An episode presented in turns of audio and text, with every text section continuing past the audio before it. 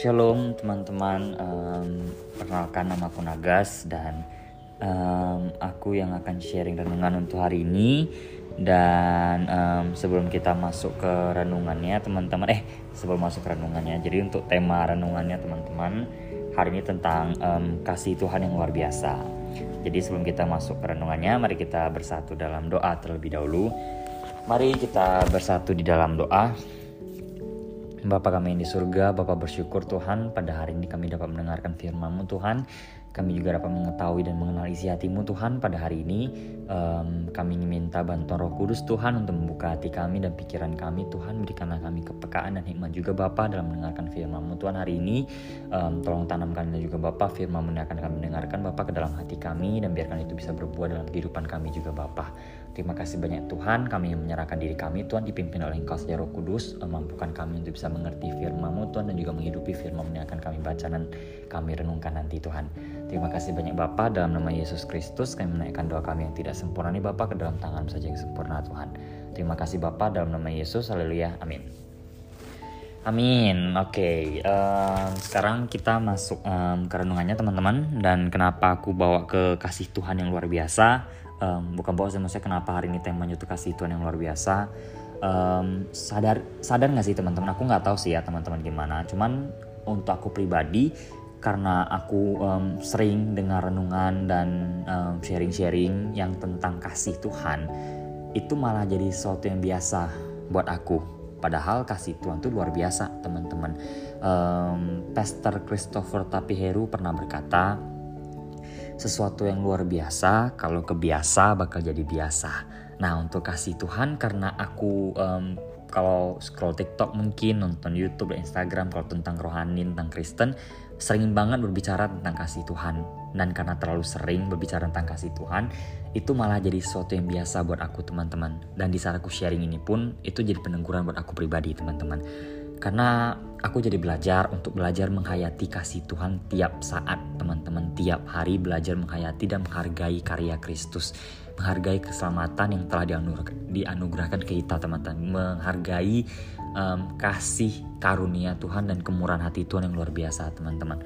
Begitu banyak ayat Alkitab di um, Alkitab yang dapat menjelaskan tentang kasih Tuhan terhadap kita. Bahkan sebenarnya um, keseluruhan um, satu buku Alkitab pun itu isi hati Tuhan gitu kan teman-teman. Dan kalau mau bicara tentang kasih Tuhan ada beberapa ayat yang pengen aku sharingkan yaitu pertama Roma 5 8 akan tetapi Allah menunjukkan kasihnya kepada kita oleh karena Kristus telah mati untuk kita untuk kita ketika kita masih berdosa.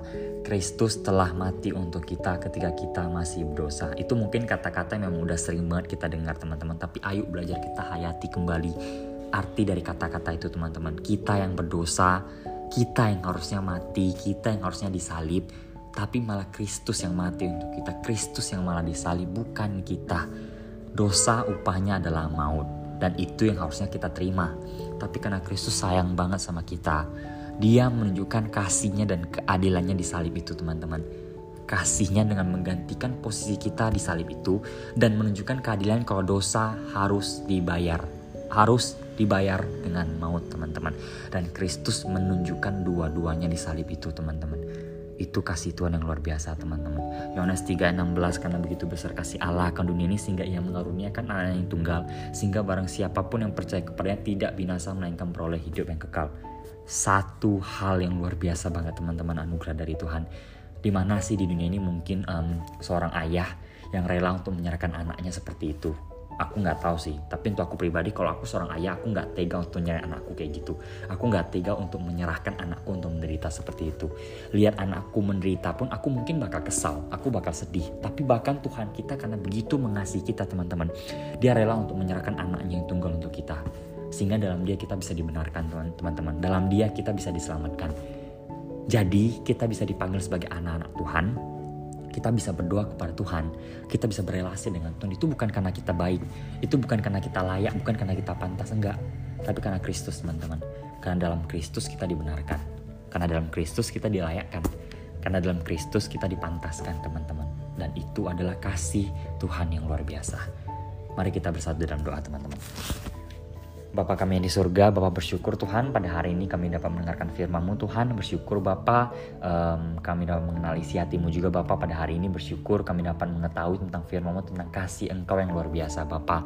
Tolong mampukanlah kami roh kudus, ingatkanlah kami selalu Tuhan setiap hari untuk terus merenungkan dan menghayati kasih Engkau Tuhan. Mampukanlah kami juga untuk menghidupi firman-firman Engkau Tuhan bukan supaya kami masuk surga enggak, tapi karena Engkau akan karena kasih-Mu yang luar biasa teman-teman eh Tuhan Engkau telah memberikan kami kesem, uh, anugerah Tuhan untuk bisa masuk ke dalam kerajaan surga. Bukan karena kami bukan karena kami baik tapi karena Engkau yang baik Tuhan. Bukan karena kami hebat tapi karena Engkau yang hebat Bapa. Terima kasih banyak Bapa untuk kasih Engkau yang luar biasa Tuhan. Kami sadar Tuhan kami manusia berdosa diselamatkan oleh Tuhan yang begitu luar biasa. Terima kasih banyak Bapa kami menaikkan doa kami yang tidak sempurna ini Tuhan ke dalam tangan saja yang sempurna Bapa. Terima kasih Bapa dalam nama Yesus. Haleluya. Amin. Tuhan Yesus memberkati teman-teman. Shalom.